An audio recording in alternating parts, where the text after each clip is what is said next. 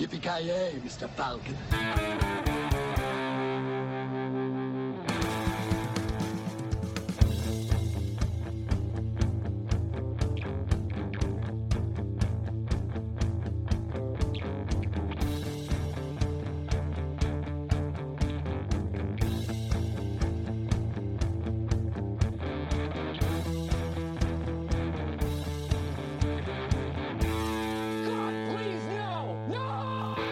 Jajamensan gott folk, hjärtligt välkomna till avsnitt nummer 66 av Creative Meltdown Podcast. Woe to you, O earth and sea, for the devil sends the beast with wrath, because he knows the time is short. Let him who hath understanding reckon the number of the beast, for it is a human number. Its number is 666. Ni har med mig Kalle. Joakim Granström. Joakim Avoya. Och Kent. Jajamensan, och i det här avsnittet kommer vi då börja lite med en Gissa filmen, ta tillbaka det gamla vet ni. Sen kommer vi även gå in på lite vad vi fan vi har gjort i veckan.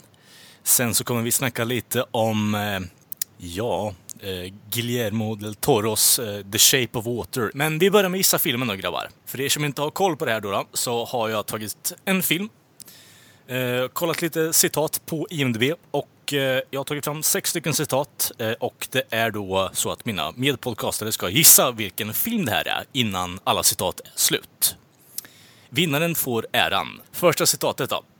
Don't fuck with me now man. I'm Ahab. Fear loading in Las Vegas. Fuck me alltså. Där var det roliga slut. Alltså, jag, jag måste säga att jag är imponerad över att uh, du klarar av den filmen. Den är ändå lite så här halvobskyr. Nej, det- den filmen det är awesome. Ja, det, det, jag, jag kommer ihåg det när man, äh, Benicio del Toro ligger i, i badkaret. Mm. Jag sen. Jag, jag tänkte att vi, Ja. vi ska försöka börja med någorlunda mer alltså, obskyra citat i den filmen. Alltså det, jag kan gå vidare. Vi, det var första i alla fall. Eh, grattis till Jocke att han tog över sitt autism-tronen från Kent där, för det, det var fan ett tag sedan alltså. Hur som helst. Hade ju hyperautism förra året. Hur som helst. Citat nummer två då. Eh, you people voted for Humphrey, eh, Hubert Humphrey and you killed Jesus. Jag kommer inte ihåg faktiskt. Inte ja, trean, hade- trean då, den måste du kunna komma ihåg Jocke, för den, eh, den är ju typ Toby Maguires eh, huvud, eh, alltså citat där. Men Hot damn, I've never rode in a convertible before. Ja, det är inte fan om jag kommer ihåg den heller. Jag kommer, den, första kommer jag ihåg bara för att den scenen är ju så jävla... Den scenen är ju så weird. När han ligger i, Ja. ska ta livet av sig i badkaret. Men nej. Du måste ju ha med den här, äh, vad är det, när han är i baren där. I was in the middle of a goddamn reptile zoo. They were feeding these goddamn things. Jag, jag tänkte att den var lite för uppenbar där egentligen faktiskt, så jag tog inte med den. Vi har lite andra Eller guldklipp. är den här, we're in bad country eller vad han säger. Ja, Um, den, den har jag med, men den kommer lite senare. Vi kör, det, det, här är en av min, det här är en av mina favoritlines också. Det är ju när de... eh, När han och eh, Flea står i eh, toaletten där och bara liksom undersöker varandra och de är höga som fan liksom. Hur som helst, linen är ju då What's the trouble? Well, all this st- white stuff on my sleeve is LSD. Ja, just det. Ja, det tror jag. När du, när, jag vet inte om jag hade tagit den, men när du pratar gör till röster så här. Ja. ja, jag vet inte om jag hade tagit, tagit den annars, men... Mm. Ja, nu ska, jag har vi- inte sett den här filmen på 10 plus år säkert. Nej, den är ju, den är ju 20, 20 år eh, i år är den nu. Så det, jag tänkte att vi ska dra, försöka dra någon liten koppling i alla fall med årsfirande liksom. Ja, ja. Vi- Ska vi gå vidare? Yes, veckuppdateringen. Vi kan ju börja med Mr. Avoya Avoya som har eh, besökt eh, kärlekens eh, huvudstad. Oh ja. Ja, äh, jag, jag och frugan var i Paris, for dit på i tisdags, kom hem, kom dit tisdag, tisdag kväll, kom hem, for hem på fredag morgon. Ja, vi, ja, vi får dit och har gjort alla sådana klassiska sightseeing-grejer. Louvren, Eiffeltornet. ja, precis. Vad hade ni gjort? Så? Alla de här klassiska sightseeing- sightseeing-grejerna. Alltså, Louvren. eh, Jag får bara upp eh, titeln Knösen das eh, Paris liksom. Det är liksom min, min, namnet på min på, hemmaporrfilm. Det är så mycket baguetter på den här resan. då. Ja. Ja, nej, men vi, vi var på Louvren, Eiffeltornet, de här katakomberna. Eh, Paris-katakomberna. Eh, Notre Dame. Fan var vi med på? Ja, men det är typ det. Och, och käkade den obligatoriska löksoppan. Franska löksoppan. Onion soup. Så, ja, det var nice. Louvren speciellt var mäktigt som fan faktiskt. Eiffeltornet, var det så här som man tänker sig? Kommer dit, jaha, Fullproppat. tar en bild, vänder Ja, om. men det, ja, men det var väl, ja. Det var ett, det var ett jävligt högt torn. Det var ett, jag, jag, är inte så, jag gillar inte hö, höga höjder så mycket så jag gillar inte att stå vid kanten. Ja, ja, höga höjder är inte min, min grej. Men alltså, nu var, det väl, nu var det väl häftigt. Det vore väl coolare att gå. De har ju restaurang där också. Någon sån här typ lyxrestaurang. Men den var vi inte på. Vi får bara upp där och uh, gick på. Jag typ köpte en kaffe på fika där. och Det. Var det den här Le Don? Le Donk, ja precis. ja, Le precis. Big Mac. De har, Le Big Mac. Quality eatery. Ja, men det, det känns som att de nästan måste åka dit bara för att se de här grejerna som har rabblat upp nu, men jag vet inte. Ja, men Louvren var mer imponerande än Eiffeltornet skulle jag säga. Utan tvekan. Louvren var jävligt mäktigt. Gigantiskt också. Jag hade ingen aning om att det var så jävla stort. Det alla undrar nu då Jocke, eh, köpte du en Royal with cheese? Nej, jag, det blev en Le Big Mac. Nej, Fy fan alltså. nej det blev ingen, ingen Donken faktiskt. ja men okej. Men eh, Men... vi, vi eh, körde med så här, vi baguette. gick, in, vi gick in på så här random restaurang bara som vi hittade. Så vi googlade så var det typ bra restaurang i närheten och så tog, tog vi typ en taxi bara dit och så gick vi och käkade. Det var typ, blev typ det. Mm. Som sagt, det enda som mest franska jag åt var den här löktoppen och French onion soup som det kallas. Det, det var riktigt nice faktiskt. Såg du någon person med sån här hatt? Vad kallas det? Basker? Ja, vi Mimare. blev approachade av en sån här clown på gatan dock. Som, som vi började ta, ta bilder med oss. Fan. Och så sen frågade såklart efter pengar efter, efter han var Ja. färdig. Ja, klart. Vi hade, vi, hade ing, vi hade ingen cash så han fick inga pengar. Scam artist. Ja. Men han lät oss behålla bilen. Han tvingade oss inte ta bort dem eller någonting sånt. Så det var ju... Men eh, ja. Han kastade din telefon i sjön och så... ja. Jag var ju oro- orolig för han började ju som ta, ta, Han tog ju min telefon från mig och började ta bilder på oss två också. Så jag var, jag var ju tvungen att kolla över det hela tiden. Så jag kollade så här, för jag hoppas att jag inte springer iväg med min telefon. Knyter fast i en ballong och så släpper man. Ja. Jag var ju- tvungen att, jag var ju oro, orolig faktiskt. Ja, det hade jag inte gjort. Ja, Ja. Ja men det, eh, ja, ja men det var Louvren som sagt var väl det kanske. Och katakomberna var ju rätt häftigt också. Alla dödskallar där i. Går, man, vi gick med sådana audio tour så då får man en sån här grej som man lyssnar på som de pratar i och så går man själv då. Man, det är ingen guidad tour. Av, inte någon person. Fränt. Så det var ganska häftigt. Så ja, det, var, det, var, det var nice. Det var, Du hade lagt upp en bild på Mona Lisa. Var det alltså the real deal? Ja.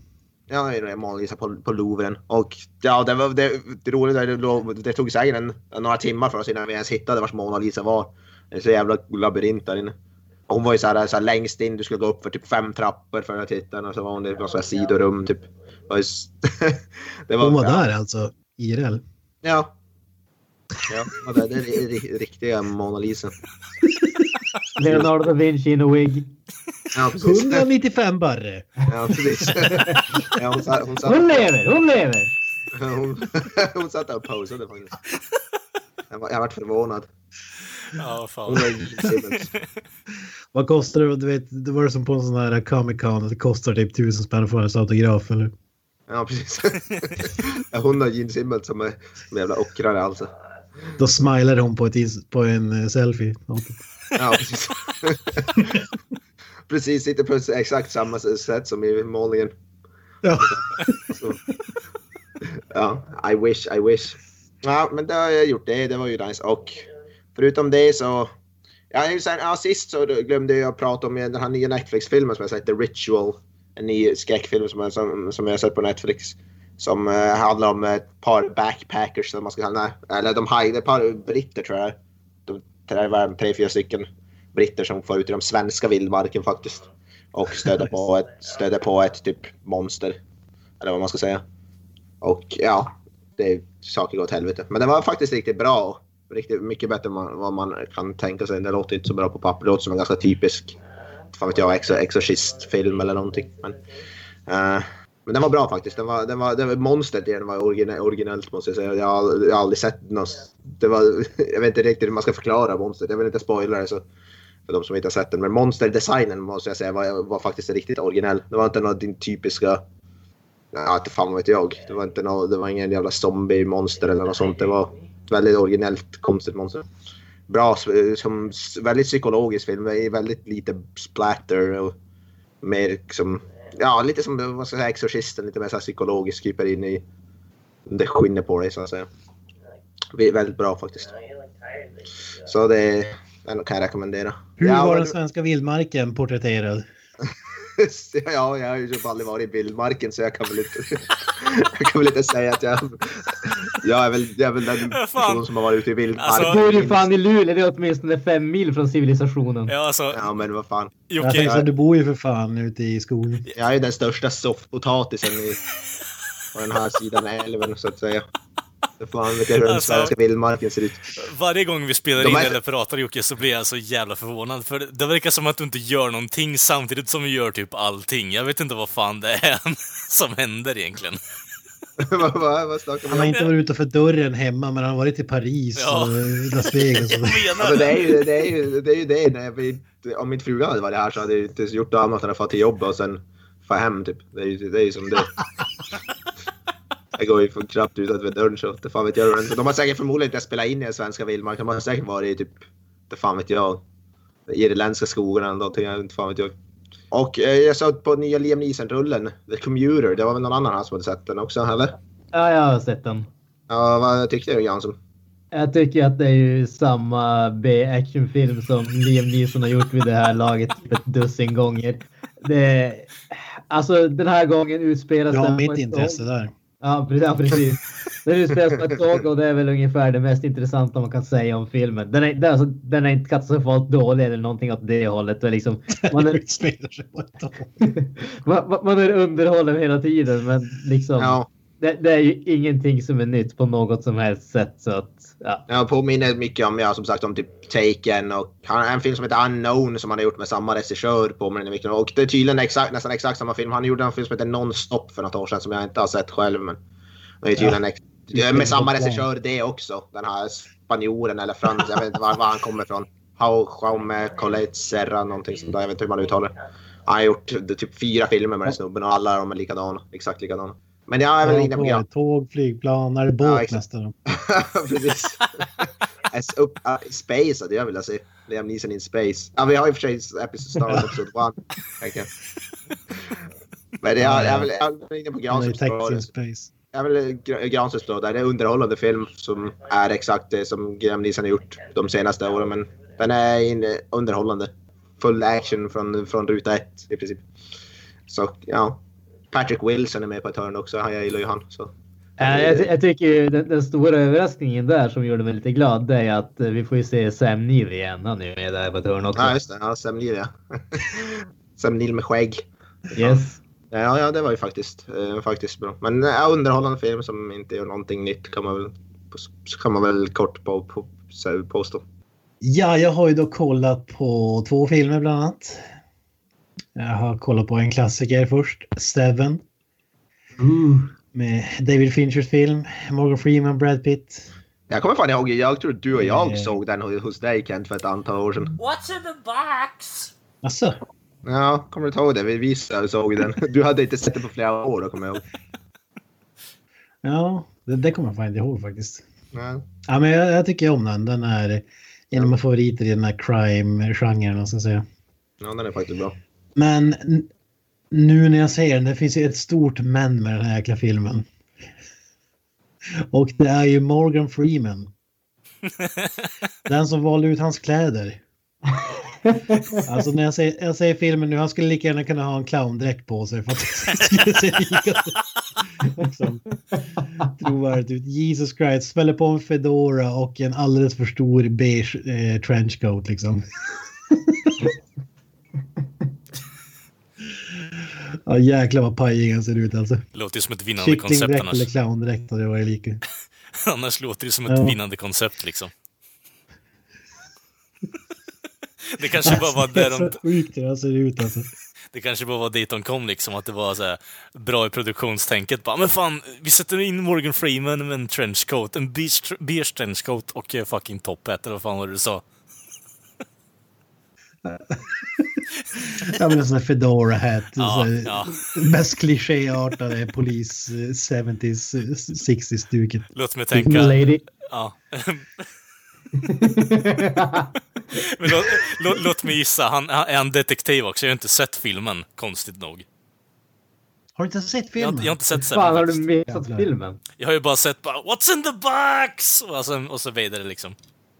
Fan du måste ju se den. Den är Ja, en vet. klassiker. Den är faktiskt jävligt bra. Ja, jag vet. Morgan Freemans kostym till trots. Morgan Freeman. Jag går vidare. Jag har ju även kollat på It. Har jag ju sett. Holy shit. Ja, Clownen dit. ja, ja jag tar Ja, fram... ja, ja, nu jag Vänta, det. vänta, Jag vänta. Jag ska bara hämta mitt paraply här nu så att vi liksom förhindrar att allt piss kommer på en. Kent har ju redan spoilat för mig vad han tycker om filmen i ett eh, privat meddelande på Facebook. Oh shit. Ja. Redan. Och eh, den är ju 10 av 10. Here it comes the golden shower. Ja, men- Get ready! Nej, men det är ju nej. alltså då en eh, är, är det reboot, remake, reimagining vad den är av Stephen Kings eh, 10 000 sidor långa bok eh, Det. Eller Den är ju sjukt lång i alla fall. Jag, jag läste den när jag gick typ mellanstadiet eller någonting. Jag, jag läste den faktiskt, blev färdig med den. när- Ja, det var inte så länge sedan, några månader sedan. Så jag läste den. Den är typ ja, 1500 sidor eller något sådär. Den är sjukt lång. Ja, den är sjukt lång alltså. Stor Mm. också. Ja. Stora sidor, det är inte liksom pocket, pocket-sidor. En bokstav per men sida. Du, du behöver ju inte köpa text för eh, synskadade. Du vet. Då blir boken mycket, mycket längre. Jag har ju pekboksvarianten vad jag läste. nice. Fan. Det var då 10 volymer typ. Nej, mer. Ja. Ja, Nej, men det har varit mycket fasking i den här filmen. Det har dragit in hur mycket pengar som helst, överträffat alla förväntningar och så vidare. Men det är sjukt underwhelming tycker jag. Jag hade förväntat mig mer än en winged clown, CGI-clown liksom. Jag vet inte. Han börjar med lätt men det, det var ju inte en enda läskig scen, det var ju bara jump scares eh, rakt igenom. Så jag förstår verkligen inte grejen med den här filmen. Förutom att det är liksom kanske nostalgi. Bill Skarsgård, jag vet inte. Ja. Inte imponerad av hans insats. Han spelar ju hu- huvudclownen så att säga. Och grymt förvånad att den här snubben som var med i Stranger Things, den här unga killen, vet du vad? Finn Wolfhard. Ja, precis. In Wolford, ja. Mm. Som var typ det bästa med Stranger Things. Här, han är ju typ det sämsta med It. Men det kanske är mer hans karaktär som inte är... Alltså han är ju, har man läst boken så han, är ju- han är ju sjukt trogen karaktären i boken. Richie Tozier. Ja. Så där, där tyckte jag de fick till det jävligt bra. Ja, nej men jag, ska inte... Det, det här är inte en film som jag normalt brukar se. Alltså jag var bara nyfiken på eftersom att den var ju så stort. eh, Vad ska man säga? Mycket uppmärksamhet och så vidare. Men Mm. mina farhågor är besannade. Ja, jag tycker att har man läst boken och gillar boken så tycker jag här är en jävligt eh, bra adoption. En väldigt trogen adoption faktiskt. Jag, jag har som sagt läst Jag boken. läste boken. men- Jag har läst boken kort innan jag såg filmen också så jag hade den som väldigt färskt minne. Alltså. Extremt färskt minne. Mm. Och den, den tar ju bort en hel del från boken, äh, från boken såklart. Det är jävligt rätt svårt. Uh, Kalle vill säga någonting. Eh, kort grej där den, bara. den, är, den är ju sjukt snygg i alla fall. Men om jag ska sätta ett betyg så sätter jag typ 5,0 kanske. Den är värdelös. Jag ska aldrig se den igen. 5,0. Kort grej där bara. Kent. Alltså. Men den, den, är, alltså, den, är ändå, den är ändå välgjord där. Ja. Men jag tycker inte om anledningen jump scaresen och uh, huvudskurken. Det är ingen Freddy Krueger om man säger så. nej. Alltså, eh, eh, vad hade gjort den här filmen bra i din mening då Kent? Mindre jump scares. Ja, jag vet inte. Något horror-element kanske? I en skräckfilm. Men det är ju det som folk säger, de som, till och med de som har hyllat den säger ju att den inte är läskig men den, är- att det är fortfarande en bra film. Den är mer så atmosfär än, än alltså, att vara läskig. Och jag tyckte inte heller den var läskig alls. Jag tyckte inte den var läskig överhuvudtaget. Ja, nej, som sagt, alltså den ser ju riktigt jävla bra ut. Den, den har ju mycket högre production value än ja, men typ Bye Bye Man eller vilken random ny skräckfilm som helst. Liksom. Eller den gamla. Det, Den ser ju ut som en påkostad film. Alltså, Ja. du? Kort, kort grej där gamla det. Vi pissar ju på när ungfan springer in i eh, eh, av, eh, alltså avspärrningsgrejen där. var det lika bra i filmen som det var i trailern? ja, det var bättre. Alltså, det var ju som en komedi i filmen faktiskt. Men det Ja. kanske är meningen det, eller vad säger du Knässon? Ja, inte vet jag. Det är väl, alltså till viss del så är den ju, den är ju, och det är ju boken också och den gamla filmen. Pennywise är ju, är ju en skojare så det är, som är ju meningen att det ska vara en lite, lite mörk humor till och från. Så det är ju, det är ju ändå avsiktligt skulle jag vilja säga. Speciellt med, den- med tanke på karaktären Pennywise som ska ju vara faktiskt, ja som sagt, ska vara en, lite, ganska rolig till viss del i alla fall. Lite som man typ jämför Freddy- med Freddy Krueger som också är så här uh, Ja, rolig. Han kan ju också vara scary. Ja, exakt. You're on prime time now, Men det bitch. är ju, eller Pennywise är ju som varken eller tycker jag. jag vet inte. Nej, jag vet inte. Jag tyckte det är Man skrattar ju för att det är liksom så B. Alltså, Ja, alltså, den där jag har sett från uh, It är ju Tim Curry-versionen liksom. Och där alltså, apflabbar man ju åt över att han...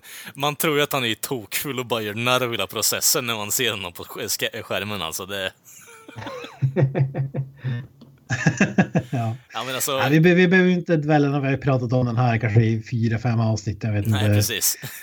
Men sjuk, sjuk, sjukt snygg film, men det är inget, inget för mig. Det, de som tycker om den här typen av filmer tycker säkert att det är fantastiskt, men det, det är inte för mig. Jag vill ha Freddy Krueger eller Jason eller den typen av filmer. Evil Dead är ju... Ja, det finns många så här horror, John Carpenter-filmer som jag tycker om, men just den här typen alltså med jump scares och jag vet inte. Det, den träffar inte rätt för mig. Kalle, vad har du kikat på då? Ja, jag har ju då tagit upp min mantel med eh, anime igen. Eh, så jag har börjat kolla på JoJo's Bizarre Adventure. Eh, försökt ta tag i det för en gångs skull nu och eh, se det från början. Eh, så det har varit ett långt projekt för mig nu, så jag har ju dragit igenom första säsongen, andra säsongen och eh, det var ju på tredje säsongen som jag eh, fastnade lite och kom inte riktigt vidare. Stardust, Stardust Crusaders heter den säsongen då. Och den är ju typ på 48 avsnitt, varav varje avsnitt är 25 minuter långt. Ehm, så jag tragglade mig igenom den för en gångs skull. Och förstår varför Jojo-fans eh, uppskattar den som den bästa eh, säsongen. Eh, och delen helt och hållet. Väldigt mycket underhållande liksom, grejer gällande Ja, alltså hela, hela, om vi drar så här kort bara. Jojo's Bizarre Adventure är ju, börjar ju lite som någon form av alltså vampyrjagar-serie eller manga. Eh, och den utvecklas ju då till att det blir lite mer involverat kring eh, folk och deras alltså, tecken och mytologi på det sättet istället. Att man får en, som de kallar det, en stand eller en persona. Så det är ju eh, För Granström och mig som spelar Persona-spelen vet ju att, eh, och Jocke också för den delen, vet ju att det finns ett element av det i de här typen av serierna hädanefter också. Och det här är ju då, alltså tredje säsongen är ju det som drar igång den, det här konceptet och bygger vidare på det egentligen. Så kommer börja se på säsong fyra så snart som möjligt, bara för att eh, jag är uppe lite i varv just med Jojo där nu. Jag tycker att det är underhållande och jag förstår varför folk har hakat på det. Jag har försökt läsa mangan också, men det, det är väldigt mycket att läsa igenom om vi säger så. Jag måste ju säga att jag är glad över att bara höra att du har blivit frisk. För förra veckan när du typ inte hade sett någonting var man ju rädd att du hade verkligen fått typ cancer och var på, liksom, på dödsbädden ungefär. Så jag vill ju säga att jag är bara glad att du faktiskt är tillbaka till ditt vanliga jag och plöjer Ja. liksom 15 säsonger per vecka. Det kan ha varit det att eh, vi bara plöjde igenom och jag bara, nej fan jag orkar inte dra min vecka liksom. Så vi sket i det. Men eh, som sagt, Alltså om, om inte Kalle har plöjt mer timmar film än eh, timmar på dygnet så är man ju orolig. just you, just you wait. Jag har en eh, grej till här faktiskt. Eh, Eh, jag, jag Ja, plöjde ju... Days of Our Lives, alla säsonger. Ja, exakt. exakt. Piece of cake. från 60-talet. Piece of cake. Nej, men eh, som sagt, jag pratar ju lite om Bioshock-spelen också. Ehm, och de har jag ju då också varit ett så här stående projekt egentligen, så jag har ju hunnit få igenom alla de tre också. Jävlar! Ja, Jävlar. Hur, hur fan hinner du? Det är ju fan långa spel också. Det är ju såhär 5, 10, 15 timmars spel. ja nu har jag hållit på med det en månad liksom, så det är ju så här, jag har suttit på helgerna i alla fall när jag har haft tid över och känt att, ja men fan, eh, jag vill se vad som händer liksom. Så det... Så, så de är klara också, så det blir är kompenserat. jättelång tid. Ja, men hur, vad, vad tyckte du då? Alltså, när man... eh, När, när de släpptes, Bioshock-spelen, och första spelet i synnerhet, så var det ju extremt hyllat just för att det hade en så, kraft, så pass eh, kraftfullt berättad historia. Sen var ju, om man säger spelet och allting runt omkring var ju fantastiskt väldesignat och de hade ju verkligen lyckats med att skapa en, en egen värld i staden Rapture då som Ja. spelet utspelas i. Vad, vad, vad tyckte du? Liksom, känns det, har det åldrats väl eller känns det bara som en relik från forntiden? Alltså, man kan väl ändå säga att det är någon form av typ fossil eh, bakom de här spelen egentligen. Ja, jag tycker att ettan var så här, det drog in mig lite i världen. Jag tyckte det var ett intressant koncept. Um, försökte lära mig så mycket backstory som möjligt, men det är så jävla mycket att ta in, så jag, jag bullrushade ju bara igenom första spelet där. Uh, Så jag lärde mig inte så jättemycket annat än det som man får till sig genom cutscenes och sånt skit. Men alltså, ettan var helt okej. Eh, Tvåan tyckte jag ändå var den, det spelet som stack ut mest alltså, för det, det får ju ändå någon form av personlig koppling till en av the bad guys i, från första spelet i stort sett. Ehm, mm. Så alltså, jag, jag föredrog faktiskt tvåan mer än vi gjorde ettan, just på grund av den här personliga kopplingen till storyn, att man fick något form av closure på just uh, Raptures historia och liknande, att man fick vara del av det också. Så det, ja men jag gillar det faktiskt. Och sen så var ju gameplayen jävligt intressant också. Jag är inte så mycket för shooters annars, men uh, Ja, men det, det drog upp intresset lite mer för att eh, Fallout, eller Far Cry 4 eller 5 kommer ut snart också, så det kommer vara en bra uppvärmning för det. Jag spelar igenom alla tre Bioshock-spelen. Andra spelet är roligare att spela, men som sagt handlingsmässigt tycker jag att första spelet är bättre. Jag tycker dock om jag ska... Bioshock Infinite tycker jag är klart bäst. Det är ett av mina favoritspel förmodligen all time. Jag tycker det, ja, alltså det är nästan 10 av 10 spel för min del. Jag älskar det spelet innerligt. Jag, Ja, jag tyckte att eh, det spelet också var ju fantastiskt, fantastiskt bra. Däremot så kändes det som att det spelet drogs väl ner kanske till viss del av att det kändes som att de hade lovat lite väl mycket innan spelet släpptes. Ja, det känns lite cluttered alltså. Det, man fattar ju efter att de förklarar det, men alltså det, det är väldigt mycket hit och dit eh, gällande typ tim, alltså tidsparadoxer och liknande och olika universum och hit och dit, så man, man fattar inte riktigt vad fan det är som händer. I alla fall inte jag. Men för att vi inte ska få Kent att somna här så ska vi gå vidare.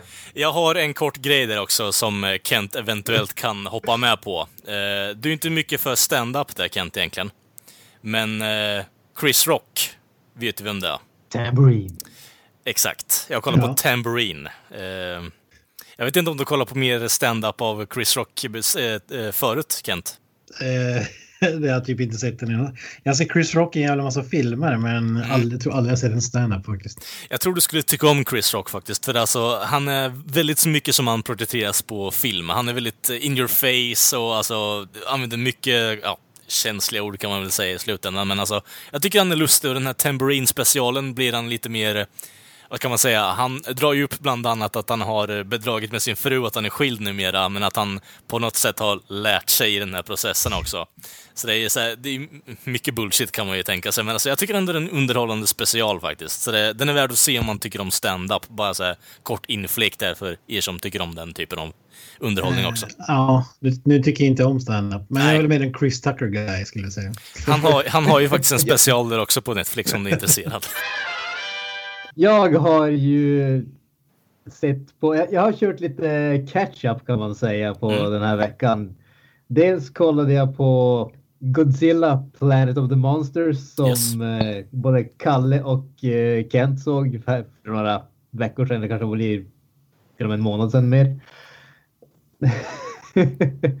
jag måste säga att jag, jag tyckte om den filmen. Som eh, Kent sa när, när, när ni hade sett den och recenserat den då. Den är ju fantastiskt eh, snyggt animerad.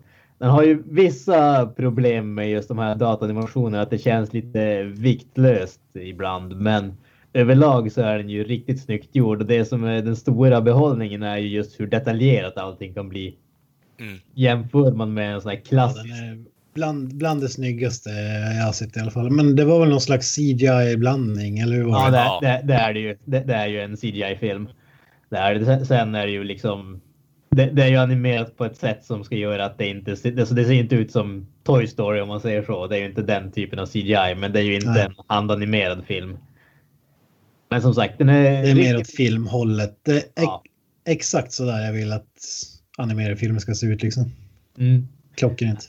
Ja, men som sagt, fantastiskt snygg film. Jag tyckte att eh, handlingsmässigt så var den intressant. Ingenting som liksom gör någonting spektakulärt, men jag tycker just den här tanken på att vi ser jorden i en eh, avlägsen framtid och den är väldigt förändrad tycker jag är intressant. Och sen som sagt, det här är ju den första filmen i en planerad trilogi så att eh, jag kommer definitivt att se de övriga filmerna. Den här definitivt fått eh, gett, gett en god försmak så att säga. Jag tycker det är en fräsch uppdatering på den gamla klassiska Godzilla-designen. Mm, Men det känns ju som en design som är gjord mer för att den ska se bra ut och kanske inte så mycket för att den ska fungera i verkliga livet om man säger så.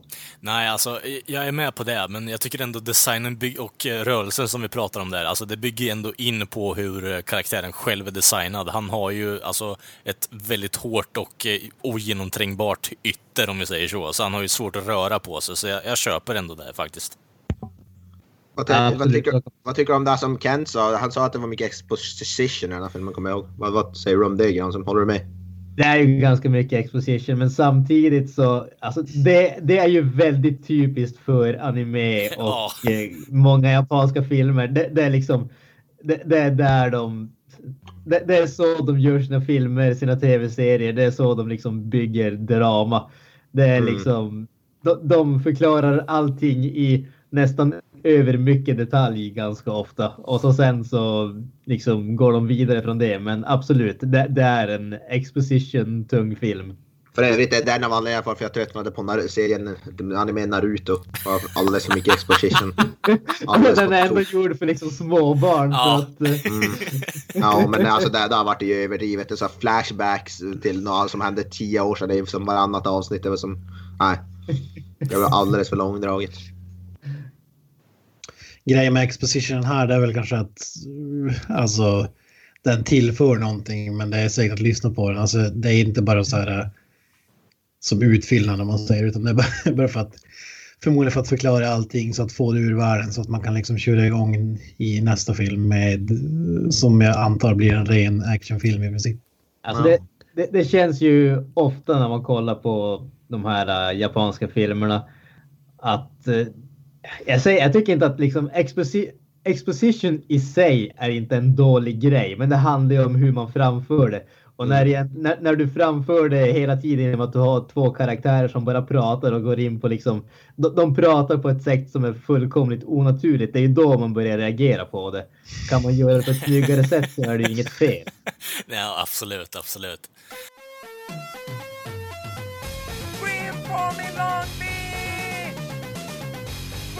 Me, Long Beach! Jag, vi ska ju prata lite mer om eh, The Shape of Water senare i det här eh, avsnittet, men Jag var ju lite sugen på att se någonting mer som Guillermo del Toro har gjort och Kalle hade ju pratat lite så här halvvarmt om eh, Trollhunters. Så jag var ju självklart eh, tvungen att eh, dra igenom några avsnitt och jag måste säga att jag tycker faktiskt om serien. Det är ingen jättefantastisk sak, men det känns ändå som att alltså, det, på något sätt så är det en kul serie att se. Alltså det, det är liksom det, det är en bra feelgood serie där någon man, man får känna att man är lite speciell så att säga, som den där snubben. Och allting är inte alltid jättelätt, men det ordnar sig i slutet så att säga. Det är liksom, det, det är ju en barnserie och man får ta det för vad det är. Men den är underhållande, den är relativt välanimerad så att eh, tycker man om de där grejerna då, då tycker jag absolut att den är värd att ge några avsnitt i alla fall. Gå vidare till den nästa grejen som är en liten eh, måtta större än vad det vi har pratat om tidigare, nämligen Kiss. Black Panther. I have seen gods fly. I've seen men build weapons that I couldn't even imagine. Uh huh. I've seen aliens drop from the sky. Yeah. But I have never seen anything like this. How much more are you hiding? Hold up. Let's go. Go. Uh. We at home?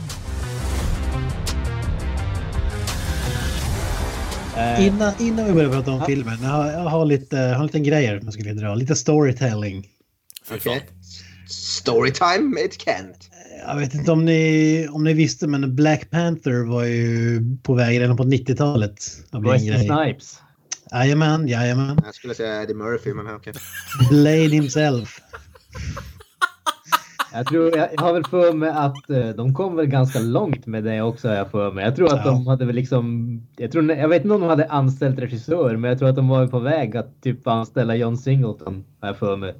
Ja men, ja, men så här var det att Marvel hade ju, eller eh, en film som jag snackat om, George Lucas mästerverk eh, Howard the fucking Duck. Och Dolph Lundgrens Punisher, magisk film. Va? Eh, bästa superhjältefilm som har gjorts. Det var ju två Marvel-filmer som kom ut efter varann. Men de var ju ingen hit på bio. Drog inte in så mycket cash. Förvånar mig Så inte. folk var ju skeptiska till superhjältefilmer när, när det begav sig. Det är ju inte som det är idag liksom. Men Wesley Snipes, Marvel hade ju kontaktat Wesley Snipes om att göra en Black Panther-film och han var ju super på för att han var ju precis som eh, Nick Cage eh, dyrkade Superman så dyrkade han tydligen Black Panther liksom.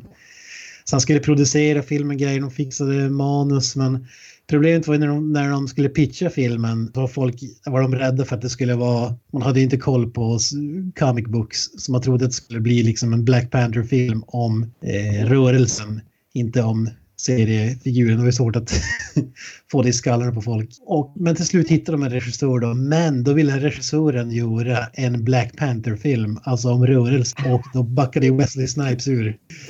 Så, så det sket sig. De la den på is. Men då dök ju eh, New Line Cinema upp.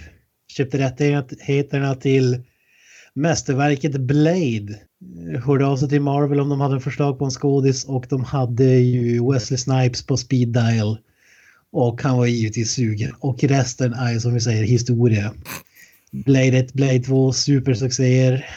Vi hade ju aldrig fått Marvel Cinematic Universe om det inte hade varit för de filmerna. Det är ju facts. Eh, Och ja, på den vägen är det. Men vad säger ni? Vilken hade, hade ni hellre sett Wesley Snipes-versionen än den som går på bio?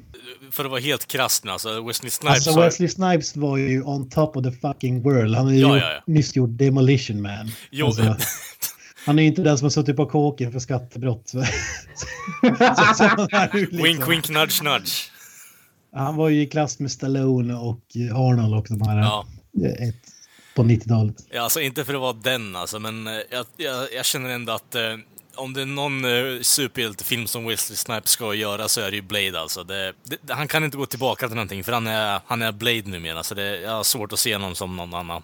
Alltså, Jag, jag tänker också så att det var givetvis bästa filmen som någonsin gjorts, Blade 2, fick vi av det. Men om vi, om vi tänker att han har gjort den här också. nej. Då hade vi fått de två bästa filmerna någonsin. Ja, jag tänker det. Ja, det var ju sjukt intressant alltså. Ska den också regisseras av Guillermo del Toro då, eller vad? Det hade ju varit fantastiskt. Jag, jag tänker mig mer eh, John McTiernan kanske på den tiden. Vänta, vem nu? Vem fan är det? Ja just det, det är ju Die Die Hard, regissören. Du, skämt, du skämtar eller? Mm. Nej, jag var tvungen att tänka, tänka en extra gång. Ska jag blow your mind? Han har ju gjort filmer som Die Hard, Predator, Last det, ja. Action Hero, Oh, Rollerball. Ingen aning om vad det är. Die Hard hämningslöst, Thomas Crown Affair. Ja men ni fattar. Alla bra filmer som kom ut typ. Nej, i- inte sugen på Snipes alltså. Jag hade ju hellre velat se en Blade-uppföljare. Men... Nej, jag hade inte velat se något av det om jag ska vara fullt ärlig. Jag Men menar alltså, att man kan ignorera Blade 3 eller i alla fall Ja. göra någonting bra. Men det är Alltså. Jag, jag, jag, jag tycker inte för att vi ska koppla bort oss allt för långt från ämnet här, men jag, jag vill ju se en ny Blade-film som är liksom samma stil som Old Man Logan alltså. ja. Liksom vampyrerna attackerar Ja. världen. Wesley Snipes är typ den ensamma liksom, människan slash halvvampyren kvar. Och han liksom, alltså en gigantisk roadtrip genom Amerika där han bara dödar vampyrer och försöker hitta något hopp över att mä- mänskligheten ska överleva. Ja, men t- tänker I am legend blandat med Blade mer eller mindre. Och så roadtrip på Det det. låter ju rätt badass faktiskt. Alltså det var ju så jävla badass. Mad, Mad Max typ.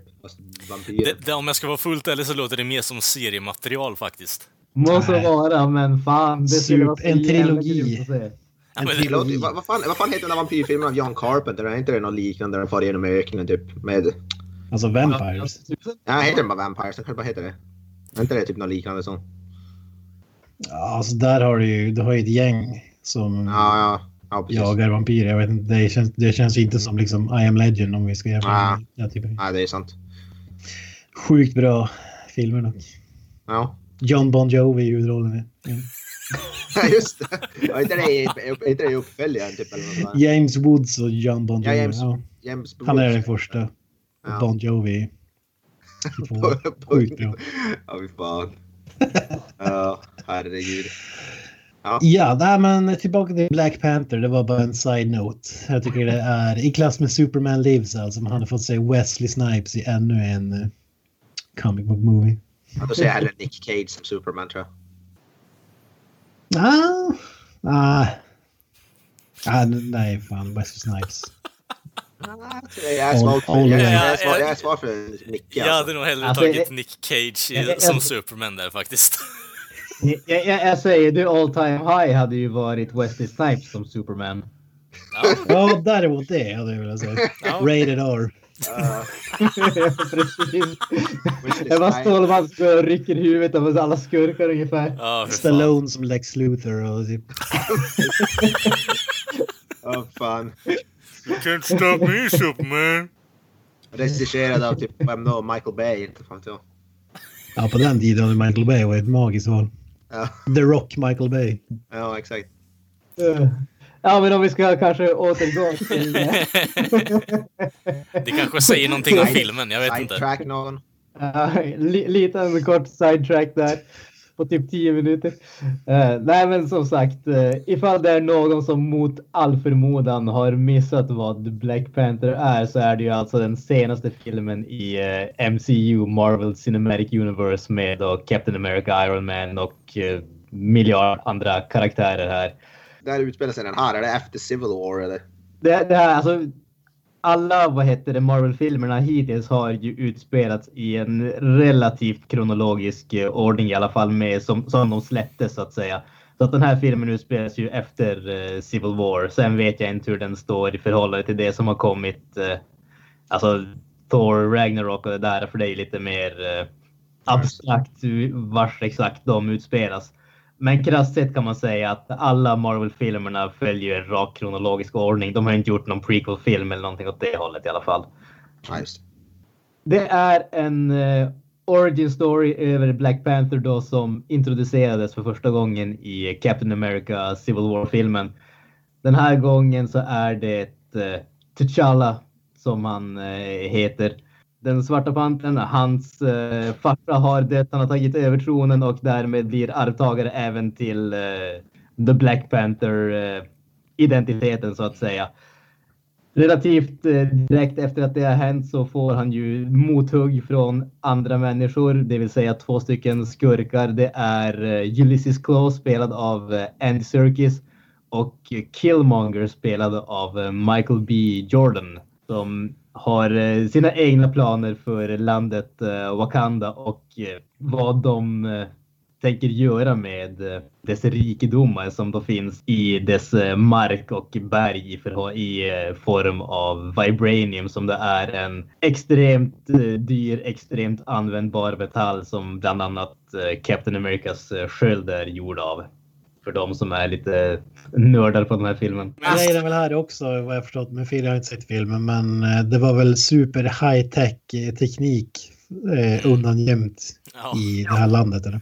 Det är ju, ja precis, alltså Wakanda är ju ett eh, i-land som är liksom i stort sett eh, framtidsvisionen som gömmer sig från vad heter eh, resten av världen.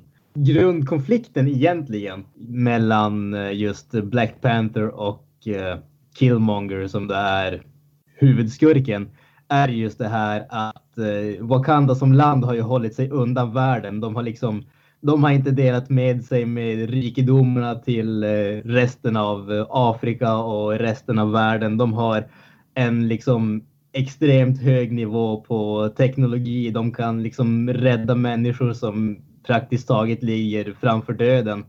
Och eh, det är liksom, det är så de har gjort det i liksom massvis med generationer sedan tidernas begynnelse ungefär.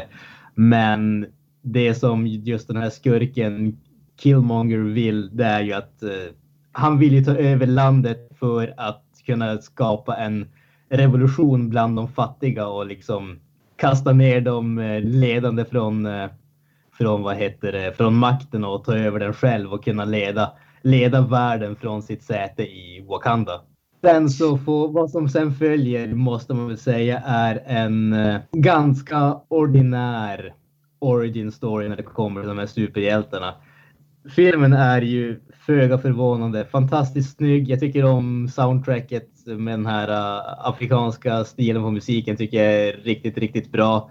Skådespelarna tycker jag också är riktigt bra. Jag måste säga att just som sagt Michael B Jordan som eh, Killmonger är en av de bästa skurkarna i Marvel-filmerna faktiskt ska jag säga. Det känns äntligen tycker jag att det känns som vi har en skurk som dels har en tanke bakom vad han gör och vad han vill göra.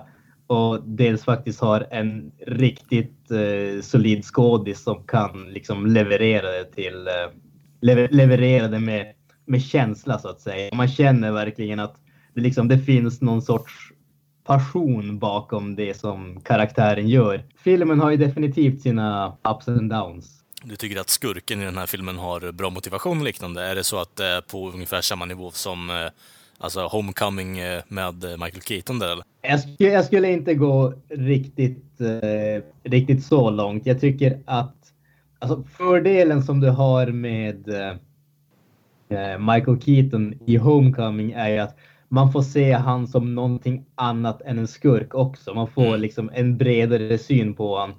Eh, alltså, Killmonger i den här filmen, man, man får aldrig se han som inte en skurk. Men Okej. däremot så tycker jag att för att vara en skurk så gör de han till en förvånansvärt sympatisk eh, karaktär. Okej.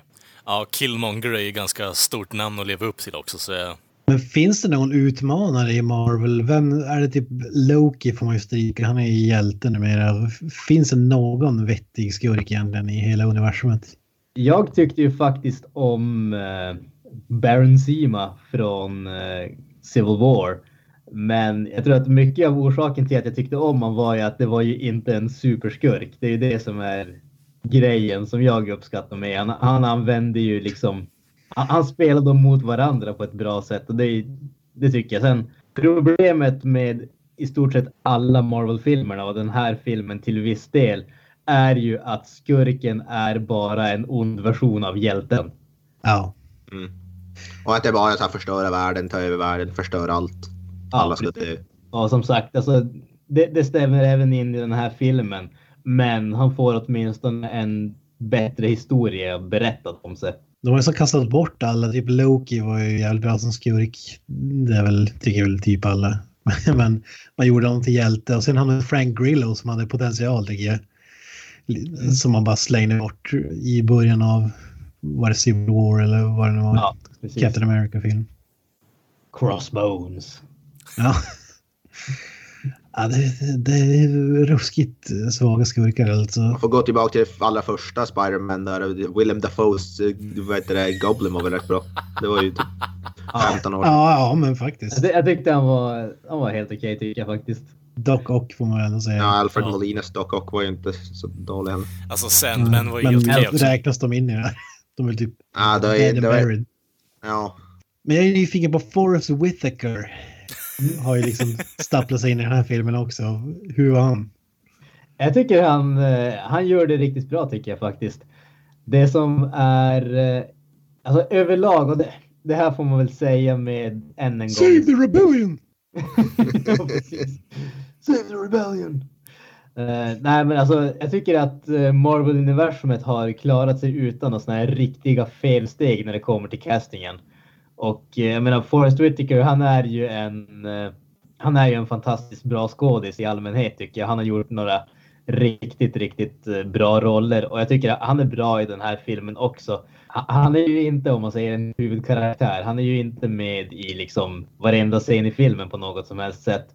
Men jag tycker han skapar en, han skapar en bra karaktär med det som han har att spela med och han, det, det känns verkligen som att han har en förmåga att dra blicken till sig, alltså när han är på, på skärmen, eller på bild så att säga. Till viss del kanske det kan bero på att eh, jag tycker inte att eh, Chadwick Boseman är helt fantastisk. Han är, inte, han är inte dålig på något som helst sätt, men han är långt ifrån det starkaste kortet i den här filmen. Ska man dra det på liksom rent eh, skådespelarmässigt så tycker jag att eh, Michael B Jordan är betydligt bättre. Det, det som gör den här filmen intressant är att de har snackat om att det inte ska vara en liksom vanlig Marvel-film utan det ska vara liksom något helt eget. Men du menar att det är inget helt eget eller det är en ran, random Marvel-filmare? Jag, jag eh, skulle påstå att ja, det, det är en random Marvel-film. Alltså, alla de här origin-filmerna, det som krasst sett skiljer dem åt, det är just vem det är som är hjälten, vem det är som är skurken och lite grann vars de utspelar sig. Och det känns som att det, det är det som är det nya i den här filmen. Det nya är ingenting av vad de gör med karaktären eller någonting åt det hållet. Det nya är att det utspelas i Afrika. Det är liksom 99% svarta människor med i filmen. Det är det som är det nya. Men ingen av de grejerna gör att det blir en bättre film i slutändan, utan det, det är en variation på det vi redan har sett. Ja, fan synd. Det, var, det här var ju den enda superhjältefilmen jag sett fram emot som kommer ut i år liksom. Men, Venom för min del. ja, men den, den osar lite för mycket Sony för att jag ska bli så här sjukt taggad. Alltså. Gillar skådespelarvalet men som film så var det den här jag ställde Ja, upp. Marvel-film. Ja, den här, vad, vad, vad har vi andra för Marvel-filmer som kommer ut i år? Eh, här Gigant Infinity War. Wars. Ja, Infinity War. Ja, Infinity Alltså den, War. kan- den kan ju inte vara bra. Nej. Typ 2000 skådespelare som Ja. ska in. Alltså, Det, det, jag, skulle säga, ja. jag, jag, var tvungen att- jag skulle säga Deadpool 2, men det är inte en Marvel-film egentligen. Ja, det är, Marvel, det är en, inte en Marvel Studios, men det är en Marvel-karaktär. Ja, Ja, precis. Sen har du ju Ant-Man och Wasp. ja kommer and, and, and the. Wasp ser jag jag, jag, jag tyckte det här första Ant-Man var sjukt bra. Ja, noll intresse där. Men, ah, ja. Men tillbaks till Black Panther. Du rekommenderar den eller ej? Eller vad? Vad är jag, om man säger så här, jag tycker det är en fantastiskt snygg film, det är bra musik, det är, liksom, det är kul att se på ändå. Det är liksom, du kommer att bli underhållen. Du kommer, går du och ser den på bio kommer du inte att liksom känna att det var två timmar som du kastade bort. Men som sagt, du ska inte förvänta dig att se någonting som känns eh, liksom helt annorlunda jämfört med vad jag sett förut eller någonting nytt. Men alltså, jag, jag skulle ge den en 6,5. Det är välgjort men det är ingenting som är liksom fantastiskt. Och, alltså den här filmen och jag känner, jag, jag ser ju alla de här Marvel-filmerna och i stort sett alla de här superhjältefilmerna. Jag börjar också känna att det är liksom lite franchise-fatig vid det här laget. Jag är ganska redo för att liksom avsluta Marvel-filmerna och det, det känns som att den här filmen kanske lider lite väl mycket av det. Hade vi fått den här filmen för fem år sedan tror jag att då hade jag förmodligen haft högre tankar om den bara för att det hade inte känts. Det hade inte känts lika mycket som att vi har sett allting tidigare helt enkelt. Mm, ja, det är det som är problemet. Man blir så otroligt trött på de här filmerna och så är det exakt som man vill varje gång fast med en annan karaktär. Och äh, man, så fort man ser filmerna så är de inte bra stand-alone utan de görs bara för att byggas upp till en cash cow där alla karaktärer ska finnas med typ. Mm. Det, det, ska man dock, eh, det ska man faktiskt ge den här filmen. Alltså, den, den står faktiskt på egna ben på så sätt. Alltså, du, du behöver egentligen inte ha sett någon annan Marvel-film för att kunna liksom, ta del av den här filmen. Det, det är inte... Ah, okay. det, det, det, är några referenser här och där, men det är inte packat med dem på något som helst sätt. Så det, ska man faktiskt ge den här filmen, att den står på egna ben. Ja, ja men fan 6,5 det var ju lågt från dig som älskar superhjältefilmer men jag tycker ändå att det låter, eh, låter bra. Ja, jag är sugen. Jag tycker, jag tycker Black Panther är en badass ändå karaktär. Jag aldrig, jag aldrig, innan Civil War så hade jag väl aldrig sett alltså, någon koll på honom överhuvudtaget. Men, mm. Hans dräkt ser dock löjlig ut men... jag, gillar, jag, jag gillar hans dräkt, jag tycker den är cool. Jag, jag älskar ju Michael B Jordan ända från The Wire alltså när han var liksom sjukt ung. Michael J. Jordan är Creed och så vidare. Han är ju sjukt bra faktiskt. Han var ju bra i den här uh, Chronicle i alla fall. Sett den. Ska vi kanske gå vidare till uh, våran andra recensionsdel? Yes. Det gör vi. Blade 2, var det det vi skulle prata om? Här? Nej, men vi har ju kollat på... Eh, det är ju samma mästerregissör från Blade 2, Guillermo del Toro har ju stickat ihop den nya filmen The Shape of Water. She deaf? Mute, sir. She can hear you. You clean that lab, you get out. This may very well be the most sensitive asset ever to be housed in this facility. You may think that thing looks human. Stands on two legs, right? But we're created in the Lord's image. You don't think that's what the Lord looks like, do you? This creature is intelligent, capable of language, of understanding emotions. Reklam om den, om den filmen överallt i, Paris. Fast det är franska, le, le, någonting, le, någonting. Det kan jag förstå, för den känns väldigt fransk till och från. Vi kommer dit ja, sen. Ja, posters överallt om filmen, alltså. Det var sinnessjukt. Fy, fy fan vilken anekdot. Mm. Sjukt intressant. Lech. Lechum som någonting. fan vet jag. Jag kan inte franska. Le Big Mac. Le Ja. Big- Ja, det hade varit en bättre titel. Ja. Ja, men eh, Shape of Water, Adventure, Drama, Fantasy och eh, lite allt möjligt som man kan slänga in som genre. Mm. Granström, vad handlar det om? Filmen handlar ju då om eh, Elisa spelad av eh, Sally Hawkins. Hon är en stum städerska som jobbar på ett, eh, vad ska man kalla det, labb, eller research facility under, ja vad är det, 60-talet. Livet fortgår i sin eh, gilla gång ungefär. Hon lever ett liv som är väldigt inrutat och väldigt ensamt.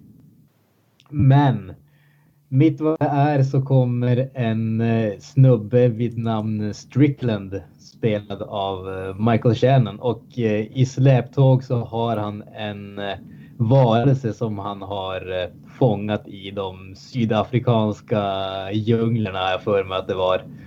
Varelsen visar sig då vara en, som man kallar det, humanoid amfibisk livsform.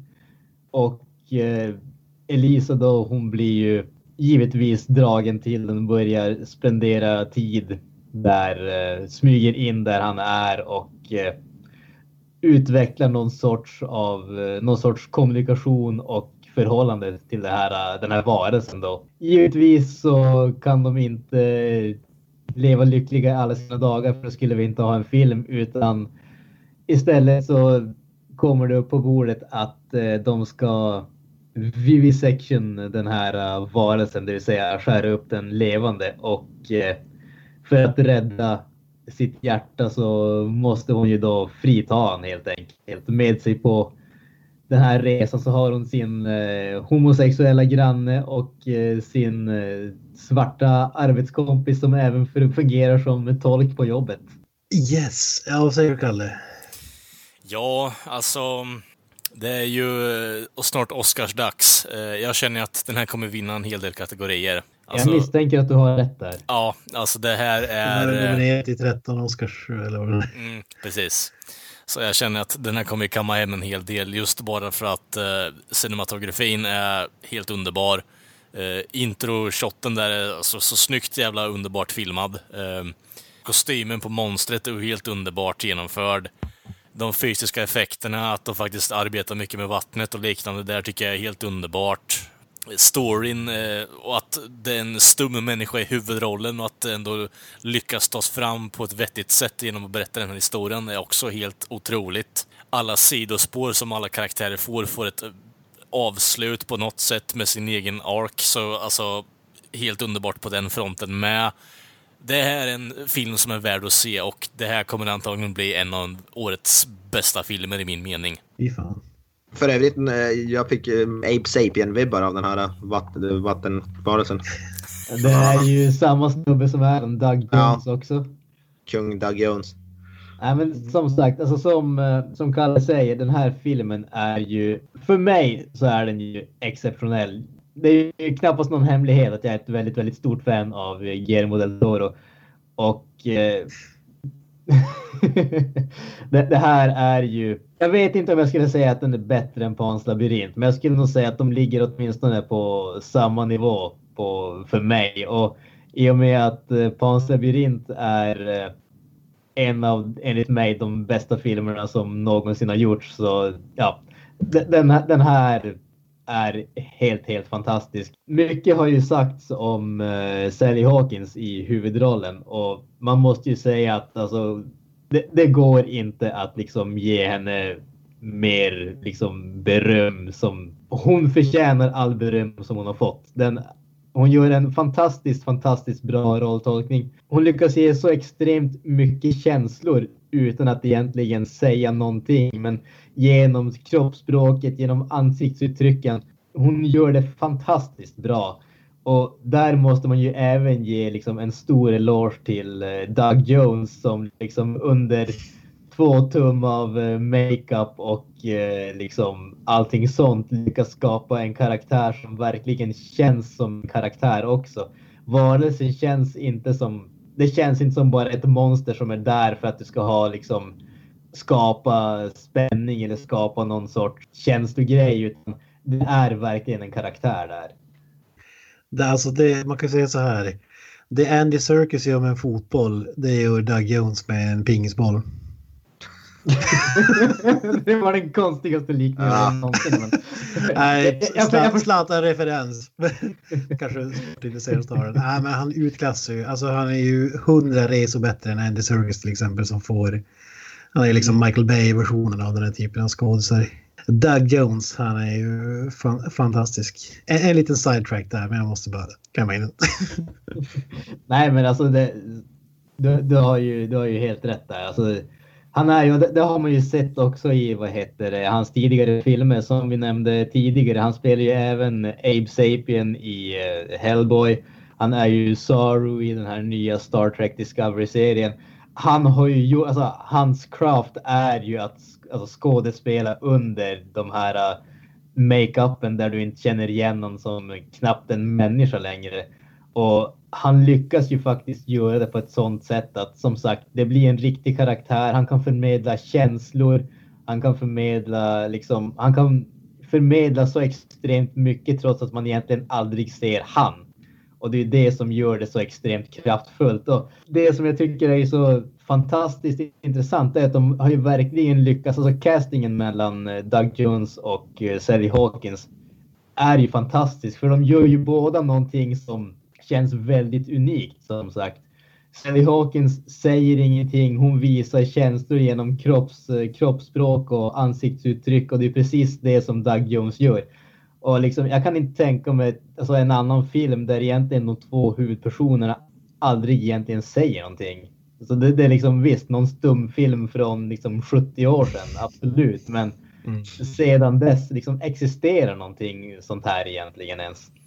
Ja. Där känner, där känner jag lite hela grejen i den här filmen också. Det är mycket, många olika genrer som den tar upp under alltså, filmens gång. Eh, så den experimenterar ju helt alltså, med filmskapandet i sig och hur det har gått igenom under flera års alltså, årtionden egentligen. Så det, jag tycker det gör ja. det på ett väldigt intressant eh, grepp också faktiskt. det, återigen, jag kan inte annat säga än att rekommendera folk att gå och se den här filmen.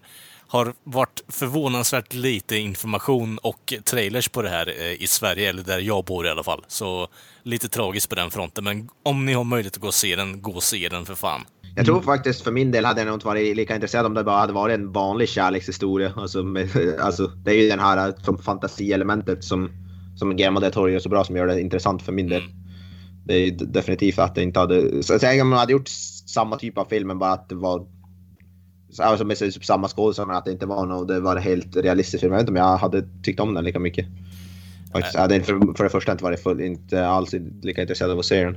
Mellan realism och fantasy, den här blandningen som Guillermo del Toro gör så bra. Och ja, även i den här då som sagt, det är det ju full träff. Precis som i Panlabyrint och Hellboy och allt det där. Det är det, det, är det som Blade är... 2. Blade 2. ja, precis. Ja, men nej, jag, jag måste ju stämma in där. Jag, jag, jag, tycker jag, var, jag, jag, jag gillar ju inte alls romantikfilmer eller något sånt, men som sagt, det här fantasy-elementet gjorde ju det att, att jag föll pladask direkt. Och eh, jag stämmer in här, Sally Hawkins, jag har aldrig sett hon tror jag någonting alls förut. Ja, helt fantastiskt. Men någon som jag vill eh, ge lite cred till som Richard Jenkins som spelar, eh, ja vad ska man kalla hennes roommate typ? Granne. Gran, äh, granne, ja, jag tror de bodde, ja, jag fick för mig att de bodde så, men granne ja. Han, jag tyckte han var faktiskt stod ut som fan. Jag tyckte han var sjukt bra. Inte heller en skådespelare som jag har haft någon så här vidare koll på. Han blev jag riktigt imponerad av. Lite sån, vad ska man kalla neuro, ne, neurotisk, som det, lite som awkward typ kan kalla mig som har lite konstiga tupéer på sig genom filmerna och sådär. Som riktigt intressant karaktär som jag, som jag gillade skarpt faktiskt. Uh, och även, uh, även då Michael Shannon som den här Strickland. Så jag tycker Michael Shannon är som jag tycker är bra för det mesta av det, det, av det jag har sett honom i. Men han, han, tyck, han gillade jag också faktiskt. Som sagt, det är bra, bra rakt igenom alltså. Alla, alla skådespelare. Och som vi sa, cinem, cinematog, ja. Cinematografi. Cinematografin, där har vi det. Uh, ja men alltså kostymer och att man körde på det här monstret att det är en gummi, det är någon slags typ av makeup och gummidräkt istället för CGI. Det är ju alltså ljus, det, vi har ju pratat om det förut hur mycket bättre det är med än CGI men det är alltså, det, det går inte att jämföra hur mycket bättre det ser ut. Vad tyckte och, du Kent då? Oj ursäkta, jag trodde du var färdig. Nej, jag skulle, jag, jag skulle bara tillägga att mus, musiken också. Jag älskade musiken i den här filmen. Det var fruktansvärt bra. Det var bara det jag skulle tillägga. Ja, nej men... Ja, vad ska jag säga? Det är ju... Det är ingen Blade 2. Det är det inte. Nej, det, det, är det faktiskt inte. Man skulle till och med kunna gå... Alltså det, det, här måste... Ursäkta att jag avbryter nu. Men det här måste man ju verkligen säga om Del Toro. Alltså han är ju inte den som gör en och samma typ av film. Alltså han har ju verkligen en bredd. Sen att det liksom alltid är den här lite blandningen Bara mellan kan se likadana ut men det är ja. helt ny film som du säger. Precis. Så med. Ja, nej, men det är en av mina favoritregissörer som sagt. Jag och Granström har ju... det är väl ingen som missar det vid det här laget. Och det här, sådana här typer av filmer är anledningen till att man liksom går på bio. Alltså, jag tycker att det var fantastiskt bra faktiskt. Fanns inte en dålig karaktär i hela filmen tycker jag. Allting satt liksom. Jag tycker, som kinesen sa, jag tycker Richard Jenkins, jag tycker nästan att han var det bästa med, med hela filmen. Liksom. Jag har aldrig sett honom på den nivån. Alltså man har sett honom i hundra saker, men då har det varit så komedier och han var lite så här, han, han var ju ruskigt jäkla bra. Och eh, Michael Shannon också tycker, tycker jag. Alltså, jag tänker bara tänk om Del Toro hade regisserat Batman v Superman. Alltså hur jävla bra den filmen hade varit. varit ja. Om man jämför hans insats i den filmen med typ det här. Alltså, ja, jag, jag vet inte. Det, hade varit... det är Man of Steel du tänker på. Ja. Michael Shannon med. Ja, Man of Ja, jag är inte med han spelar, han spelar ju skurken i Man, Man I, of Steel. I, i, uh, ja, just, han var bara liket i... Ja, han var ett nak, ja. naket lik i Batman vs Superman. Ja, ja, det är Man of Steel jag tänker på. Ja, är riktigt bra antagonist. Och sen som ni säger det här med att man, de behöver liksom inte säga ett ord ens. Och det är ändå fantastiskt bra. Uh, Hawkins och Doug Jones.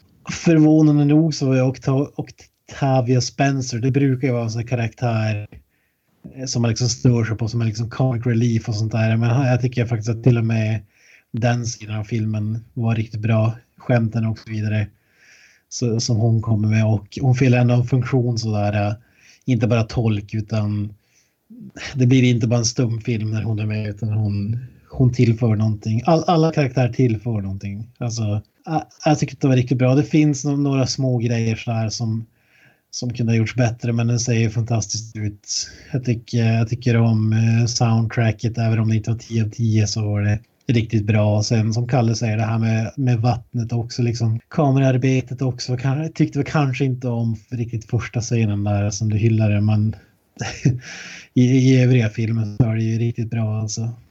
Fan, fantastiskt bra. Bara för att uh, återgå lite grann till just uh, Guillermo del Toro. Han har ju som sagt, han har ju gjort en extrem mängd olika typer av filmer och den här filmen, alltså, det känns som att de kastar allting mot väggen och hade det varit vilken annan person som helst, vilken annan regissör som helst så hade typ eh, en tredjedel liksom fastnat. Här känns det som att allting fastnar. Alltså, de gör ju alla typer av liksom, det, det är romantik, det är skräck, det är drama, det är komedi och det är till och med musikal. Och Mm. på något jäkla vänster så lyckas det, det. Det funkar hela vägen. Det knyts ihop och det funkar. Det funkar med karaktären, det funkar med handlingen och det funkar liksom stilmässigt. Och det är ju det som är så alltså, fantastiskt eh, imponerande med den här filmen. Det, alltså, som, som du säger Kent, visst det finns små grejer här och där som man, liksom, man kan tycka mer eller mindre om. Men på det stora hela så är det ju en film som är exceptionell på alla sätt och vis. Mm. Jag var väl ingen stort fan av just musikaldelen kanske, men jag tyckte inte att det liksom förstår filmen. Men det är som du säger, det, den är ju allting. Den är, jag skulle, det är ju lite actionfilm, så spiondrama, det är liksom Mm.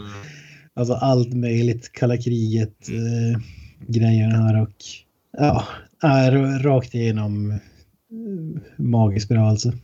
Det är ingen del som sagt, det är ingen del som är blir direkt tråkig. Man kan, visst, alla filmer har ju en sån här del, så här, den här delen, men alla, nästan alla delar i den här filmen, det var ju ingenting som, är, som man satt så här, kolla på klockan direkt. Tyckte jag.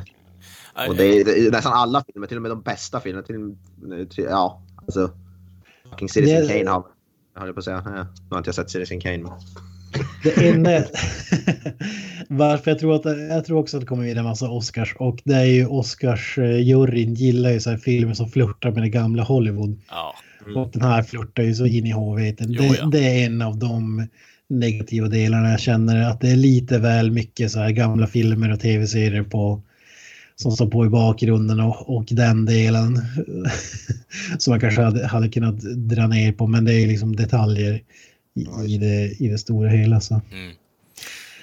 Nej, men jag tycker att när man ser en Del Toro-film, man, man känner ju alltid någonting när man ser dem. Det är det som är grejen. Det finns ju som ingen annan regissör tycker jag som, för mig i alla fall, som har den.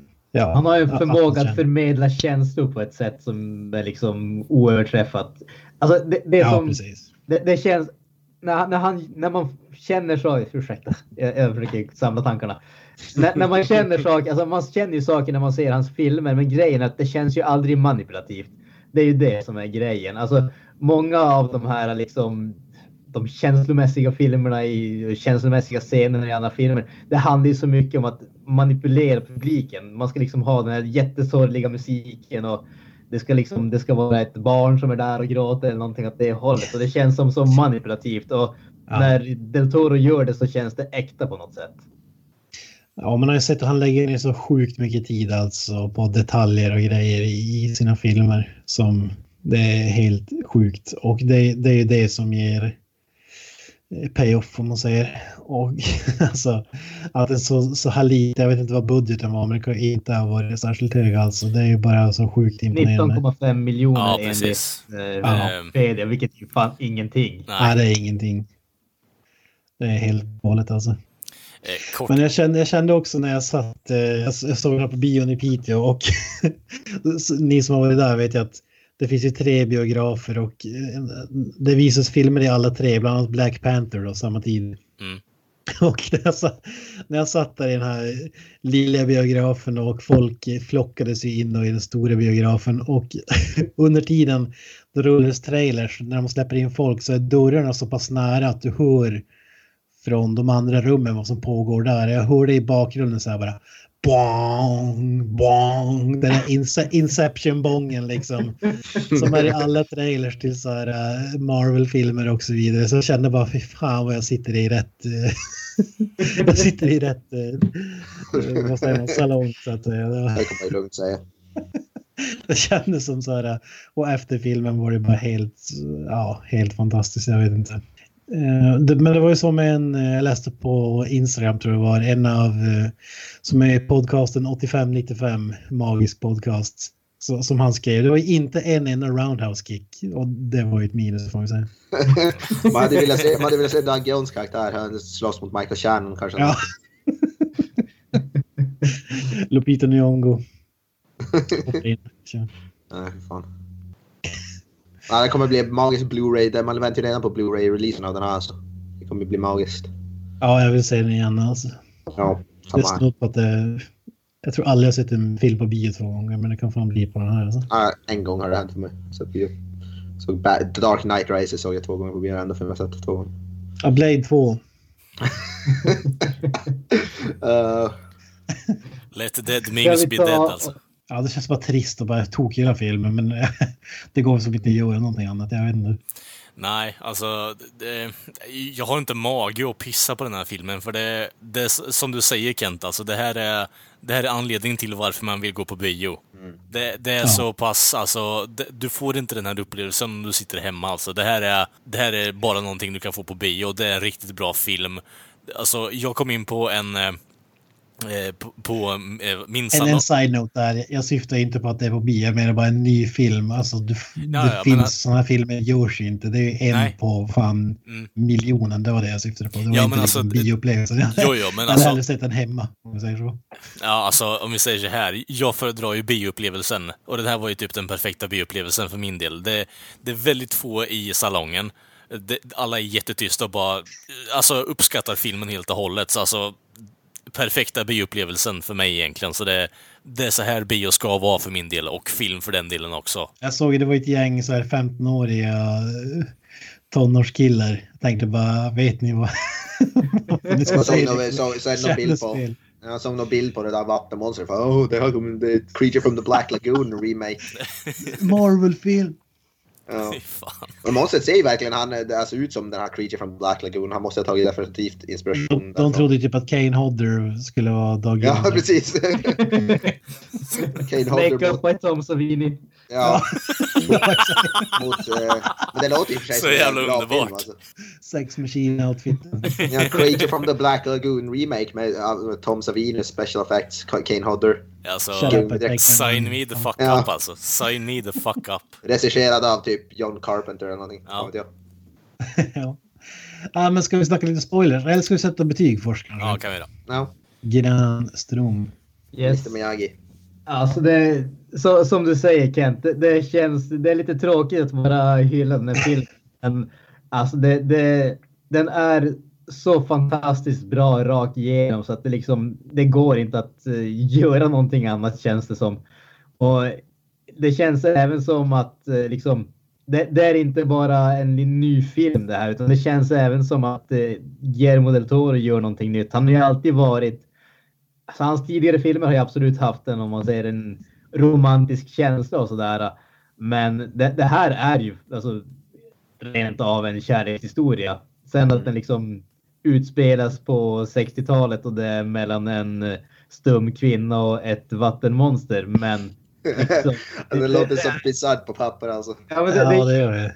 det, men det, det är ju en kärlekshistoria och den är ju så fantastiskt välgjord. Det här kommer, äh, om inte det här är den bästa filmen i år så kommer jag att bli extremt förvånad. Och, så, och, som, och som, sagt, som sagt i Pans labyrint och det är en av de bästa filmerna jag någonsin har sett. Och det, detsamma gäller den här. Så att för mig så är det en 10 av 10. Visst, det finns små saker att liksom klaga på och anmärka på här och där. Men den här filmen är orsaken till att jag ser film. Det är liksom det är den här upplevelsen jag vill ha.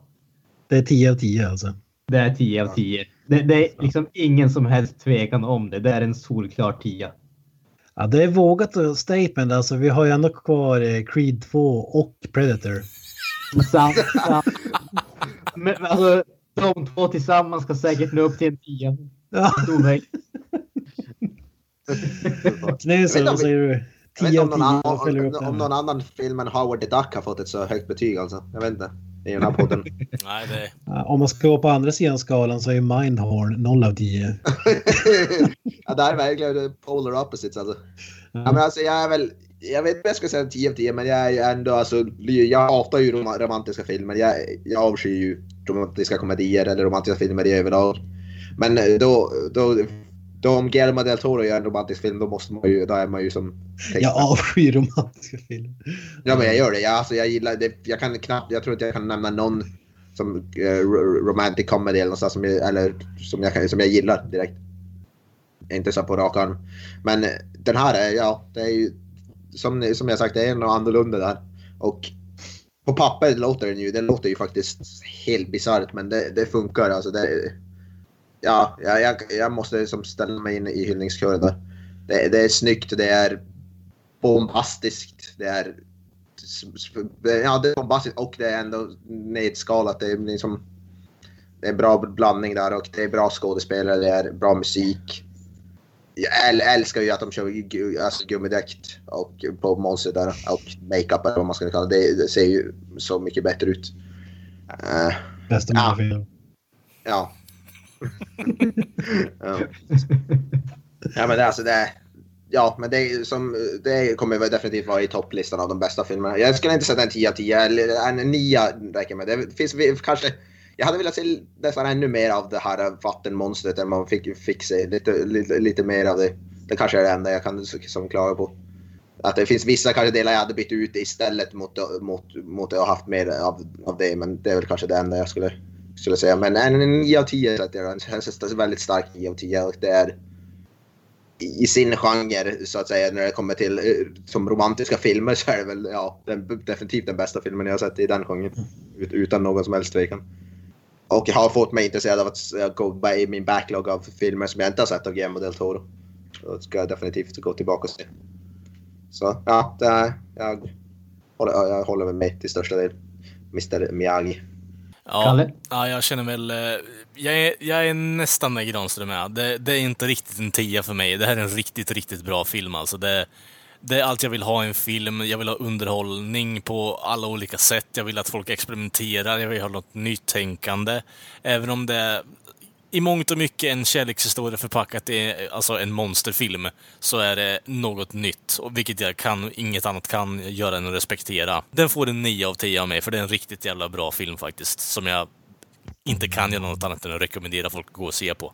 Ja, är som sagt sjukt bra. Jag tror, av, alltså det är nya filmer, man kan hitta något som man tycker är så här sjukt underhållande. Men för mig brukar det ofta vara antingen är de sjukt bra gjorda eller sjukt underhållande. Mm. Och det är väldigt sällan som båda två klaffar. Och det tycker jag faktiskt att det gör, att det gör här. Det är, Eh, ja, sist jag kände typ att det, av en nyare film så var det som Whiplash till exempel tyckte jag var sjukt bra.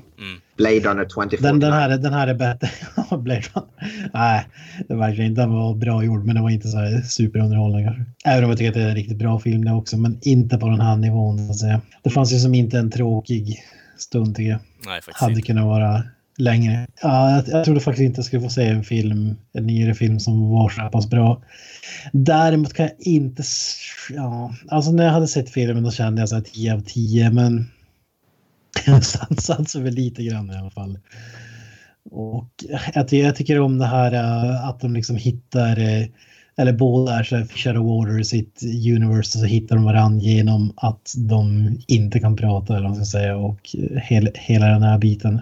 Fantastiskt, men jag skulle nog sätta 9,5 någonstans. Det är lite, eh, kan prata om det i spoilers, vissa delar som jag tyckte kunde ha varit kanske lite bättre. På det stora hela så är det, jag tror det är så nära det kan komma en perfekt film i modern tid faktiskt. För, för min del i alla fall.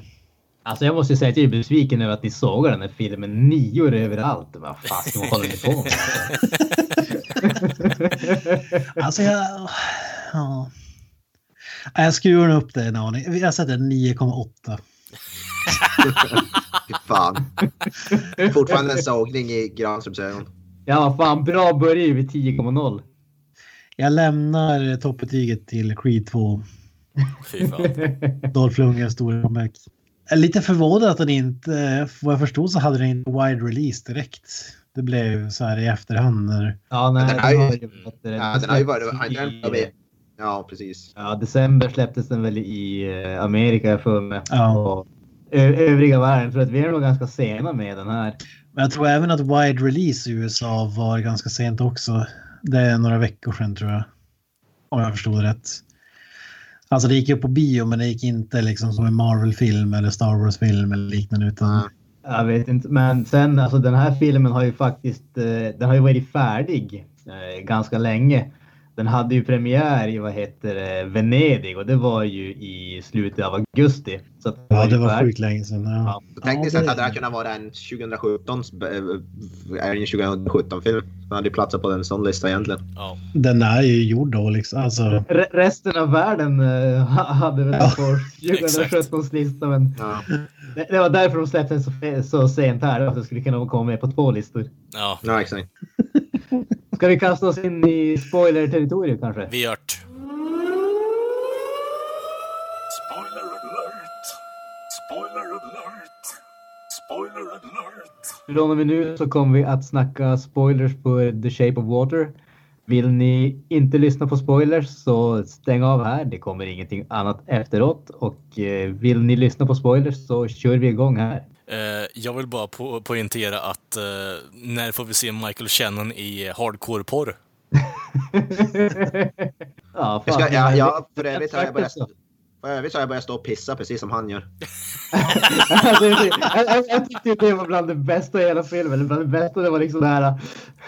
A man only cleans his hand once. If he does it twice, is something wrong with him. Ja, lack of character. Ja, precis. Ja, precis. Så vilken, hur, vilken är ni? Kör ni före eller efter? Efter. Efter. Aldrig. Ja. Aldrig. Vad säger det om din karaktär då, Kent? Ken, Ken, ja, vad säger du om? Han, det, sa, det sa han ju ingenting om. Det är Kent är mys- mystik. Neandertalare. Ja, All natural. Ja, det, det var ju sjukt bra. Som sagt, skämt gick hem. Eh, Som även är liksom eh, rymd, de är rymdforskare men pissar utanför liksom. Och ja. Ja, precis. Ja, men om vi kanske ska börja. vi inte, det är ju inte spoiler på något större, större sätt, men vi hade ju lite disagreements om just öppningsscenen där. Mm. Vi kanske tar och börjar redan där. För jag, där måste jag säga, där var jag faktiskt lite grann inne på, eh, på Kents eh, spår där. Jag var, jag var inte helt förtjust i den öppningsscenen faktiskt. Ja, Jag blev faktiskt lite orolig när jag såg den, men Kan du flasha upp minnet? Hur var öppningsscenen nu? För jag har så många andra scener i, i. Vattenfyllt rum och kameran kommer in. Hon liksom ligger uppe i luften ungefär och sen så sjunker Ja, hon just ner. det. Ja, mm. Så hon drömmer ju i stort sett. ja precis. Ja. Nej, Den, men den var ju snygg. Den, det är som det man har sett på snygg. postern ungefär. ungefär. Jag, tyckte, jag tyckte den var snyggt filmad. Det, det var pass, passar som inte men- filmen. jag. Alltså, jag, jag, jag har ju alltid haft så. Jag, jag är inte ett fan av drömsekvenser i allmänhet och jag tycker all, jag, jag har svårt att öppna en film med en drömsekvens. Det känns på något sätt som att man är frånkopplad från liksom karaktären på något sätt.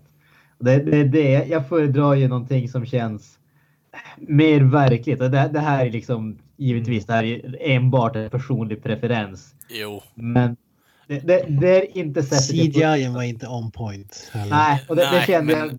Om vi Det säger så kände jag här. även i slutet där också. Att det, är liksom, det är ju de praktiska effekterna som gör den här filmen. Och när de drar in CGI, Mm. det, det är inte världens bästa. Det märks att där hade de kanske inte budgeten de behövde. Nej, men å andra sidan så tycker jag ändå att eh, det är inte så den drömsekvensen som du målar upp det till att det är. Det är i stort sett hennes rum, bara att det är vattenfyllt och det är ju används ju i stort sett bara för the opening credits i stort sett. Så jag, jag är helt okej med det. Jag tycker det sätter lite Ja. stämningen på filmen alltså. Det är inte, Ja, jag, jag, det är inte precis. top notch är det inte, men jag tycker ändå att det är ändå en helt okej öppnings-scroll egentligen, så jag har inget emot det. ja, jag, jag, jag håller med. Ja, helt också, okej, det kan jag köpa, men eh, ni lyfter fram det som att det var liksom så här bland det bästa med hela filmen. Alltså. Nej, ah, Nej, tror jag inte direkt. Men jag gillar också, det är väl voice, eh, Richard Jenkins har väl någon voice over där i början också, visst har han Ja. det? Och det, det gillar jag också, det sätter ju stämningen också. Det blir som lite en, fairy tale, som att han berättar någon saga nästan, vilket jag som gillar. Det blir som en sagostämning över hela filmen. Morgan Freeman kommer bli arbetslös efter den här filmen. Ja, han hade, han hade verkligen bra, den här bra rösten, Richard Jenkins. Han, jag gillade, han hade den här mys, mysiga sagor, sagoberättarrösten och det, det gillade jag. Wow. Det, blev, det blev som en fairy tale stämning över hela, över hela. Jag, jag tyckte han var fantastiskt bra rakt igenom faktiskt. Oh, ja. Trodde inte att han skulle kunna vara Nej. Inte Michael Shannon heller. Jag tycker att han är... Jag som aldrig fastnat för honom riktigt. Han är ju inte det starkaste kortet i den här filmen heller. Men Nej. här passar han ändå in. Han har, han har som ett speciellt utseende också som gör att han sticker ut så mycket. Jag vet inte. Mm. Alltså det, det enda jag tycker med Michael Shannon är att han, han känns lite som en one-trick pony som Kent känn, alltså säger egentligen. Alltså det, han passar in på ett specifik roll där tycker jag, men alltså det, jag tycker han, han passar i den här typen av roll. Alltså en disciplina, disciplinarian i stort sett. Han är typ säkerhetschef och ska komma in och ta över stället och tro att han är någonting. Och är det så gudfruktig man också så så lite hypocrit över till hela skiten liksom. Men det, jag tycker han passar i den här rollen, men annars så tycker jag att han är, han är inget speciellt i slutändan. Det var väl inte riktigt det, det jag sa. Jag sa snarare att han känns... eh, Att han inte passar i roller. Men här passar han. Ja. Jag tycker ju jag, jag tycker i allmänhet faktiskt att jag, jag tycker om eh, Michael Shannon. Det som jag däremot kan tycka är att han kanske inte alltid gör det bästa valet av filmer som han är med i. Men jag tycker sällan att han är, alltså, det, käll- det är sällan som han känns malplacerad tycker jag. Okej, ja. Ja, Alltså jag har aldrig sett honom och tänkt wow. Eller alltså... Ja, jag vet inte. Här tycker jag att han sticker ut på något sätt. Ja, jag, har- jag har inte sett han nog mycket. Jag, kan, jag kommer inte på så många filmer här på rak arm som jag kan nämna han i. Ja, han var bra, bra i den här filmen. Bra som... som jag vet inte, ska man kalla honom som skurkrollen? En bad guy kan man väl ändå säga att han är i den här rollen. ja. Definitivt. Och ja, jag vet inte, jag tyckte han, han var lite lagom creepy och douchey, så att säga. Gjorde, det- gjorde det bra. Och sen gick jag och käkade den här jävla godiset gjorde han ju under hela filmen också. Mm. Jävla sugkaramell. Jag tycker, jag tycker om det där som man säger i slutet just att liksom när jag är stressad då tuggar jag sönder godisen. liksom. det, det, det, känns så, alltså, det känns så perfekt för den karaktären på något sätt. ja. Mm. Och det här är hans fetisch om att han gillar vad är det han gillar. Det, han vill försöka Tystnad. Käft. Ja, tystnad, ja precis. Det där försöker Alltså, återigen. Ja, det var mycket full frontal nudity i Ja. filmen alltså. Ja. Det, det, ja, men det, det måste man ju... Det kändes ju inte på något sätt malplacerat måste man säga. Däremot så måste jag säga att det var ju lite förvånande för alltså, sexualitet har ju aldrig varit någonting som har varit stort, en stor grej i Guillermo del Toros filmer och här är det ju liksom här Det- är det ju en väldigt stor del. Det Men var just det jag tänkte på exakt, för alltså, det, det är just det som gör den, att den här filmen är så jävla fransk i, min, i mina ögon också. Att det är så pass öppet och allt, anything goes i stort sett. Eh, Tänker man tillbaka så är det typ första fem minuterna av filmen så är hon i badet och liksom, ja, goes nuts i stort sett. Bara för att komma igång med dagen och det är så dagliga rutinen också. ja, ja. Ja. Ja, men så han reinvents himself så att säga varje film känns det som. Ja. Alltså, Ja men alltså det, det är ju det, är det som är ju det, det starka kortet också. Det är ju att han vågar ju faktiskt ta ut svängarna. Han, han har ju faktiskt möjligheten att göra det. han har en jäkla känsla för vad som passar när. Alltså, jag vet inte hur man ska förklara det. Men... Ja, Mm. ja men, ja, men så, så är det ju absolut. Jag menar, det, det är ju det här att liksom, som du säger.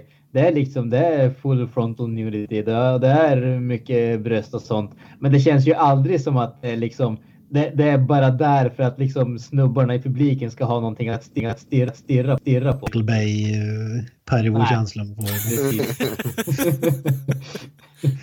Michael Bay i den här filmen, det hade varit intressant.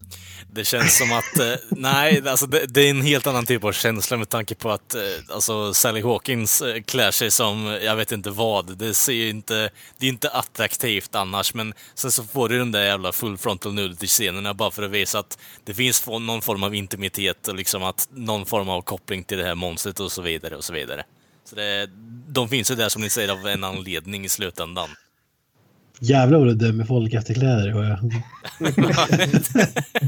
ja, men du kan ju inte säga liksom att den utstyrseln är liksom på, på något sätt exalterande.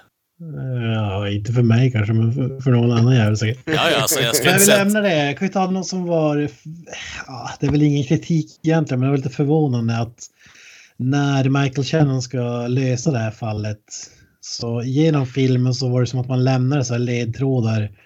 De stämplade in samtidigt, de stämplade åt henne, hon lämnade ägget där, hon käkade ägg. Alltså, jag trodde det skulle vara mer så här detektivjobb, mer att bara gå hem och spöa upp någon, tortera folk och typ hota dem. Alltså, det, det var, ja, jag vet inte, det var gränsfall så här att Alltså, kanske gick miste om den. Alltså, det är inte så att det behövs för filmen kanske, men jag tror, tycker det hade varit mer intressant än bara liksom hota någon jävel. Ja, fast Alltså det för mig känns det ju som att det, det, det fungerar ju för den karaktären. Alltså som du säger, de lämnar ledtrådar hela tiden, men han är ju en sån där som... Alltså, för han är det ju brute force som gäller. Det ser man ju när det kommer till både hur han behandlar den här varelsen som han mer eller mindre torterar, hur han liksom, hur han är hemma med frun och allting sånt där. Det, det är ju, det, det är liksom my way or the highway. Och på så sätt Mm. Ja, det är sant. Han är ingen Sherlock Holmes utan han är... Nej, exakt. Han, han, blir, han blir lurad flera gånger under filmen. Speciellt den här scenen när han ska köpa den här jävla Chevrolet eller liksom Coupe de Villen liksom. Därigenom bara, men den är grön för fan bara. Nej, it's steel va. Och så köper han ju det för slutändan också. Så han men är där var ju också sån grej, så limited edition färg som jag trodde att det skulle bli så här. Ja, men den här skåpbilen har ju färgrester från limited edition färgen som bara finns på den här bilen. Alltså typ. Där så hade det varit en vanlig film. Nej, men å, å andra sidan så tycker jag att de bygger upp den här Michael Shannons karaktär som att han är inte så, som Granström säger, han är ju bara brute force, my way or the highway. Han har ingenting bakom pannan. Han kommer inte dit för att han har slagits upp i stort sett. Ja, men då kanske man kan fråga sig varför de planterar grejerna. Kanske var så att de planterade och inte visste riktigt hur slutet skulle... Alltså jag, jag tror samtidigt så kan jag tänka att det är ju lite grann om man säger en sån där felledning. För vi är så vana att se filmer där alla de här små grejerna får en stor payoff. Och att, liksom, att våga vända på det och inte göra det. Det känns ju också lite nytt för vi är så vana att få det. Sen kanske inte i sig är någonting originellt på något sätt. Men, men just att man, man, man foreshadowar någonting och sen så liksom vänder man på det. Det jag känner med den upplösningen var bara att eh, den som sålde ut avslöjade var ju Octavia Spencers man och han sa bara jag har hört dem prata på telefonen om den där varelsen i labbet. Om, det var hon stumma som... Alltså är inte det något du hade tagit upp med din fru om du hade hört liksom att ja, ja, vi har tagit ut liksom en rymdvarelse ungefär, gudaliknande vattenvarelse. Ja, fast samtidigt så säger hon genom filmen också att de, liksom, de pratar aldrig längre. Vi- Ja, visserligen men just det känns ju som så här undantaget som kanske hade, hade tagit on liksom. Men, ja, Ja, fast deras relation är ju lite on the rocks också, så jag vet inte. Jag, jag köper det ändå i slutändan, att man inte pratar om det där så mycket. Så.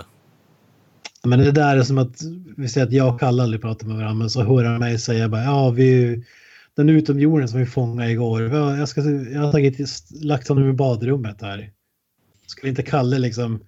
Ska inte han öppna käften då liksom? Det, det känns lite långsökt, men whatever. That bitch be so crazy, bara så hade jag fortsatt kolla på fotboll som han snubben liksom. Girls, eller women, som han bara skruvade upp ljudet på basketmatchen på tv. Ja, precis. Ja, det, det, det var lite så, så, så. Mycket referenser också som sagt. Lite väl så här mycket flört med gamla Hollywood och filmer och nästan Family Guy-varning ett tag där. tycker jag. Det var väl ingen som förstörde filmen och var lite så distraherande och, och det funkar att liksom pytsa ut någon sån referens men när det var så otroligt många, jag vet inte. Mm. Det, det som jag hade gärna kunnat se lite mer av, det var ju just eh, bandet mellan eh, Elsa, eller Elisa och eh, vad heter det, grannen där. För Första gången som man ser dem när de sitter och ser på den där musikalen tillsammans och de gör liksom fotrörelsen och det. Man, liksom, man får ju känslan att det kanske var det som fick dem att liksom knyta an från första början. Jag hade gärna sett någonting som var alltså, no någonting mer åt det hållet där man fick känslan alltså, varför är de här två vänner? Och vi, vi får ju det genom filmen i och med att som sagt han är en homosexuell man och det, liksom, han, han kan inte visa det för att liksom, ja, det är inte direkt accepterat vid, vid, vid den Kalla krigets tid. Ja, precis. Och hon är liksom... Eh, hon är ju stum, så de, de är ju båda om man säger att, att de är förstörda är väl fel ord att använda. Outcasts kanske. Men, ja, men precis. De, de är liksom, de är, står utanför samhället på något sätt. Men samtidigt hade det varit trevligt att se, bara få en känsla av att det kanske är någonting mer än bara att de är outcasts som binder dem samman. Och det, det, man får ju den känslan av just den där scenen. Och jag hade gärna sett någonting lite mer av det så att säga. Jag tycker man fick lite så här father-daughter eh, relation. Absolut. Det är väl det, det, är väl det kanske som gör att jag köper att eh, om man säger att hans läggning kanske inte är så lätt att skaffa barn och så vidare.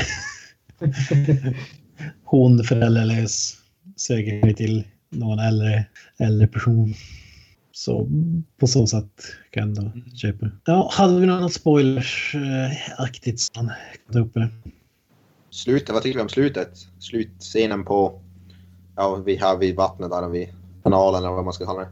Ja, jag hade inget emot slutet faktiskt. Alltså det var Nej. inte så här wow-slut men Jag gillar, jag gillar, jag gillar det som eh, speglar ju början lite grann, att de flyter i vattnet och så är det voice-over med, av Richard Jenkins där. Jag tyckte det som var, det var snygg, väldigt snyggt och men, em, det drar ju på rätt emo, emotionella sträng, strängar så att säga. Ja, det, är ju alltså- samma, det är ju samma där. I en vanlig film så hade ju hon liksom sagt något. Nu fick vi det i den här dansscenen men man förstod ju att liksom hans superpower, som kallar det, var ju att han fixade det man typ saknade mest eller kände att man eh, fixade han, Richard Jenkins hår och Mm. han läkte väl henne också och då tänkte jag att det var ju garanterat rösten då att det skulle vara en så här no! det, hade, ju varit i en vanlig film men det kom ju aldrig. Så, men ja. Istället, fick, istället fick hon jä, vad heter det, jälar. Mm. Ja men det, det förstår jag direkt.